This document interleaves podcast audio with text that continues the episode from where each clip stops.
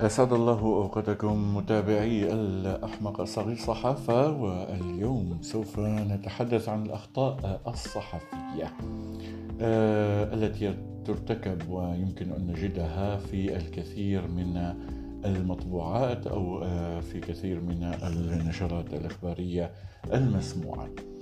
آه، قبل التحدث عن ما هي الأخطاء التي يقع بها الصحفيون والكتاب دعوني أطلب منكم آه، تفضيل وضغط زر القلب أو زر التفضيل أو المشاركة على البودكاست لنشر المعرفة آه، رجاء. آه، أنا لا أطلب المال ولكن نطلب منكم نشر المعرفة والمساعدة في ذلك. سأبدأ اليوم بأسباب الأخطاء الكتابية التي يقع بها الصحفيون والكتاب.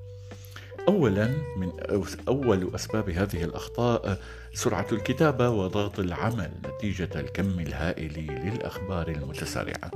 ثانيا عدم وجود مدقق للمواد في المؤسسات الإعلامية أو قلة الخبرة لدى بعض الصحفيين وعدم اطلاعهم على العديد من الكتابات والتقارير التي يقوم بها كبار الكتاب في الصحافة والإعلام أو عمل في الصحافة العديد من الأشخاص ممن امتهنوا العمل بوصفهم آه، هواة لا متخصصين. و آه، نأتي الآن لبعض النصائح والقواعد النحوية التي يتعرض لها الصحفي يوميا في الحياة المهنية وذلك من أجل تجنب الأخطاء والخروج بمحتوى إعلامي مهني إن شاء الله.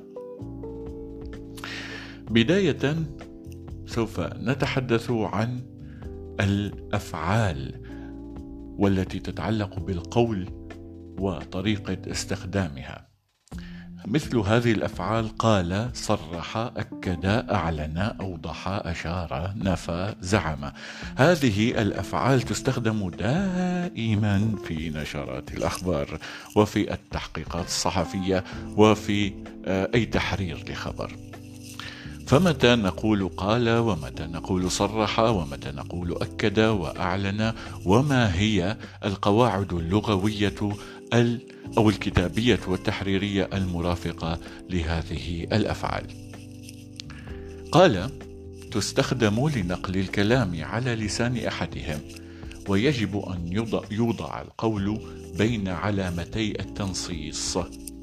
وهما الفاصلتان المزدو... الفاصلة المزدوجة في الأعلى المفتوحة والمغلقة. صرح تستخدم لنقل الكلام عن مسؤول رسمي معلوم. فلا يصح أن نقول صرح مصدر مطلع لأن التصريح يكون علنا. أما فعل أكد يستخدم للتأكيد على شيء محدد سابقا في الكلام نفسه. ولا يتبع بحرف الجر على لأنه يتعدى بذاته ولا يحتاج لحرف جر. لا يمكن أن نقول وأكد فلان على. لا يتبع أكد بحرف الجر. لماذا؟ لأنه يتعدى بذاته ولا يحتاج إليه. أعلن. يستخدم للإعلان عن أمر ما أو كشف شيء جديد. ويكون المعلن شخصا معلوما وليس مجهولا ويسمى باسمه أو صفته. ولا يمكن أن نقول أعلن مصدر عسكري. لا يمكن. لا يمكن أن نقول أعلن آه، وقال بأنه لم يجرؤ الإفصاح عن اسمه. هذا خطأ. الإعلان يجب أن يكون شخصا معلوما. ويسمى باسمه أو صفته. أوضح تستخدم عندما يكون هناك أمر يستدعي التوضيح. أشار ولفت تستخدمان للإشارة إلى شيء سابق مرتبط بالحدث الحالي ويأتي بعدهما حرف جر هو إلى. أما نفى فتستخدم حين ينفي المصدر خبرا أو حدثا ما وزعم تستخدم للحديث عن أن ما سيلي غير مؤكد. أي أن الصحفي الصحفي غير متأكد من الكلام الذي سيقال على لسان فلان أو الذي قاله فلان. فنقول بأنه زعم فلان. الآن كتابة الهمزة بعد أفعال القول. قال إن. أكد أن. أضاف أن. أوضح أن. بين أن. ذكر أن. أفاد بأن. صرح بأن. نوه بأن. أشار إلى أن. الآن نأتي إلى بعض الأخطاء الشائعة لغويا في الصحافة. التفريق بين كلمة مقتل ومصرع ووفاة ولكل منهما تفسير ومعنى يجب الانتباه إليه. مقتل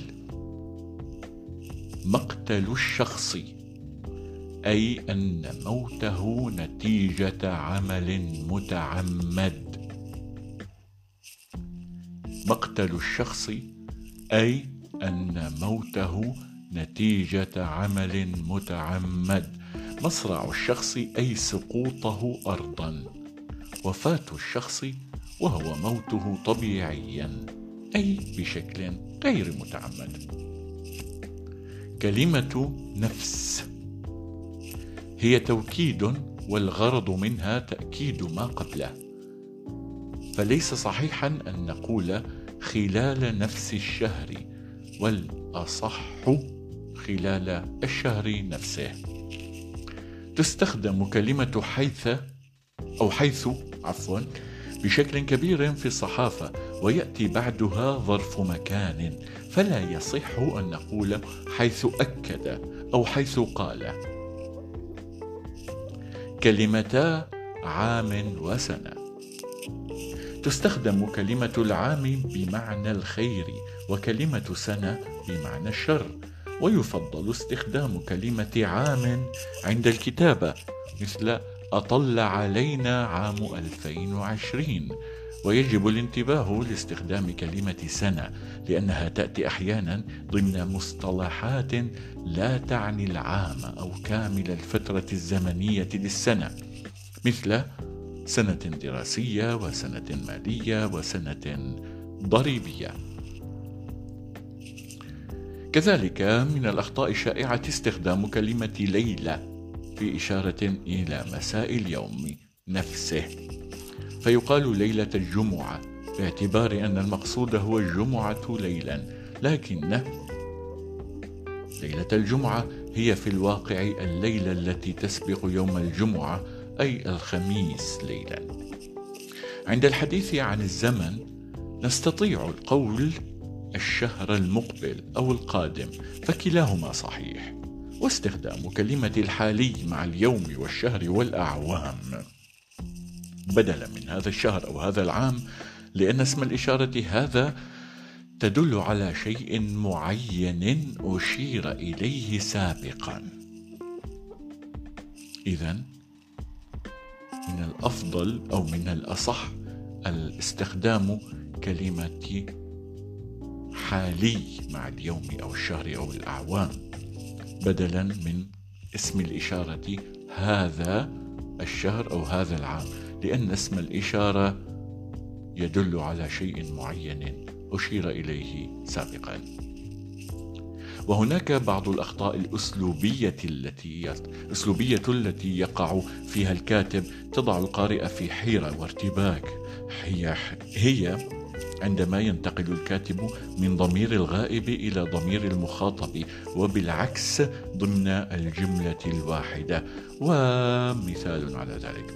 قال المتحدث باسم وزارة الدفاع الأمريكي إن أمريكي أن أمريكا تدرس توجيه ضربات عسكرية إلى مواقع النظام السوري وأن وأن أرى وأنا أرى أن هذه العملية سوف تحد من استخدام النظام للأسلحة الكيماوية.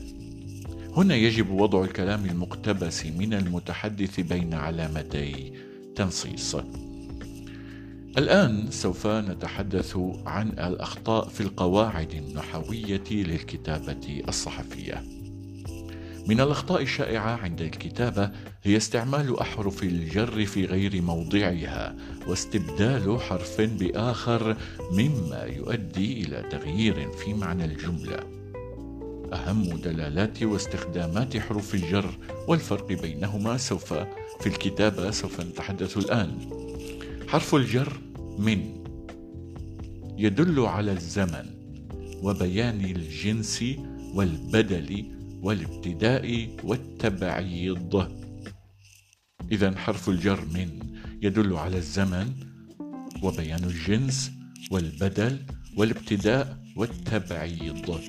حرفي الجر إلى واللام والفرق بينهما هو يدل حرف الجر إلى على انتهاء الغاية الزمانية أو المكانية. كما يستخدم مع الأفعال التي توحي بالحركة بينما يدل حرف الجر اللام على التبعية والإسناد والسكون. حرفي الجر الباء وفي والفرق بينهما. الباء يدل على الوسيلة والاستعانة الظرفية أما أما حرف الجر آه، في يدل على التوكيد والمصاحبة والمعنى الحقيقي والمجازي. حرف الجر عن ويدل على البعد والمجاورة وعلى انتهاء الغاية وعلى الظرفية المكانية. حرف الجر على ويدل على الاستعلاء والتعليل والمصاحبة. عفوا. إذا حرف الجر على يدل على الاستعلاء والتعليل والمصاحبة. إلى هنا ينتهي الجزء الأول من الأخطاء الصحفية وفي الجزء الثاني سوف أتحدث عن علامات الترقيم واستخداماتها. أرجو منكم النشر لهذا البودكاست الأحمق الصغير صحافة. وإلى اللقاء في بودكاست قادم حول علامات الترقيم واستخداماته إن شاء الله.